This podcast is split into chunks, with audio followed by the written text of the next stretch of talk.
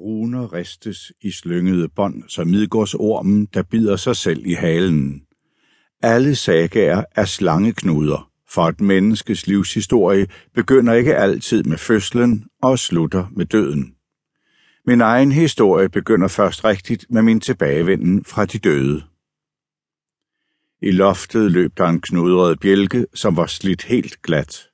Der hang fiskenet og sejl ned fra den, og for mit slørede blik så jeg en død æderkop dingle for enden af den fineste tråd.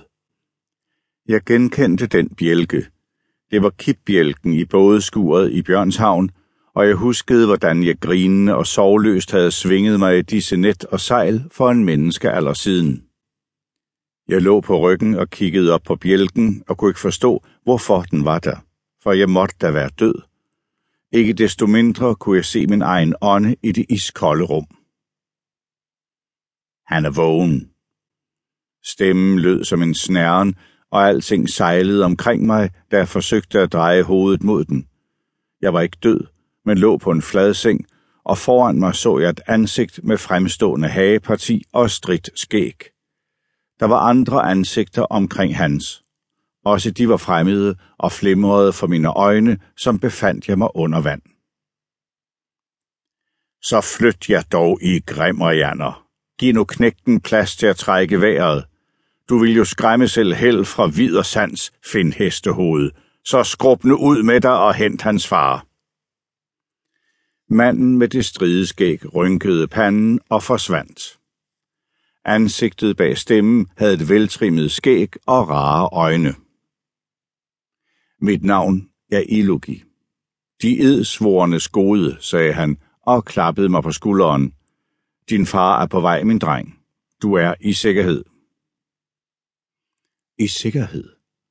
Når en gode sagde, at jeg var i sikkerhed, måtte det jo passe. Pludselig så jeg i et glimt, som ved et blåhvidt lyn på en uværsnat, bjørnen brage ned gennem taget i en regn af sne og splindrede træ. Den brølede og tårnede sig op over mig som et mægtigt hvidt bjerg. Min far? Jeg kunne ikke engang kende min egen stemme, men den venlige mand ved navn Ilugi nikkede og smilede. Bag ham så jeg andre mænd gå omkring som skygger og hørte deres stemmer bølge frem og tilbage. Min far? Så var han alligevel kommet tilbage for min skyld. Det var det sidste, jeg tænkte, inden Ilugis ansigt udviskedes til et ovalt omrids, og de andre ansigter ligeledes fortonede sig, da jeg gled ned i søvnens mørke vand. Men goden løg. Jeg var ikke i sikkerhed. Jeg ville aldrig være i sikkerhed igen. Da jeg var blevet stand til at sidde op og spise suppe, kendte hele Bjørnshavn til historien om, hvordan Orm havde slået den hvide bjørn ihjel. Den hvide bjørn, Ruriks svøbe, var kommet for at hævne sig på sønnen, og formentlig på faren bagefter.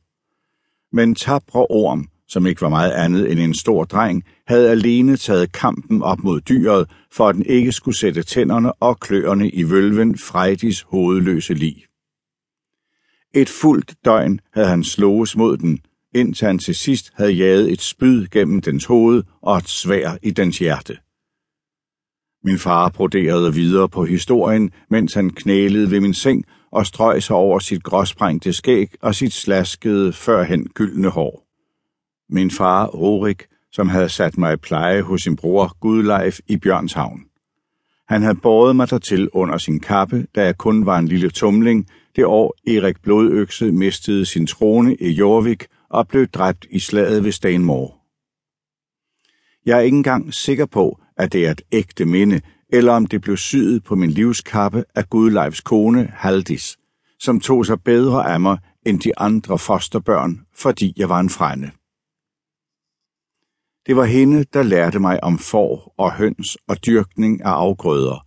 Hende, der sad ved arnen og udfyldte hullerne i min hukommelse, mens de store tæpper, som opdelte hallen, blafrede i de bulrende vindstød. Hun svarede roligt og tålmodigt på alle mine spørgsmål, mens hun sad med sine små, klikkende vævebrikker og lavede lyse uldkantebånd til pyntesøm. Rurik kom kun tilbage en enkelt gang og havde en bjørneunge med.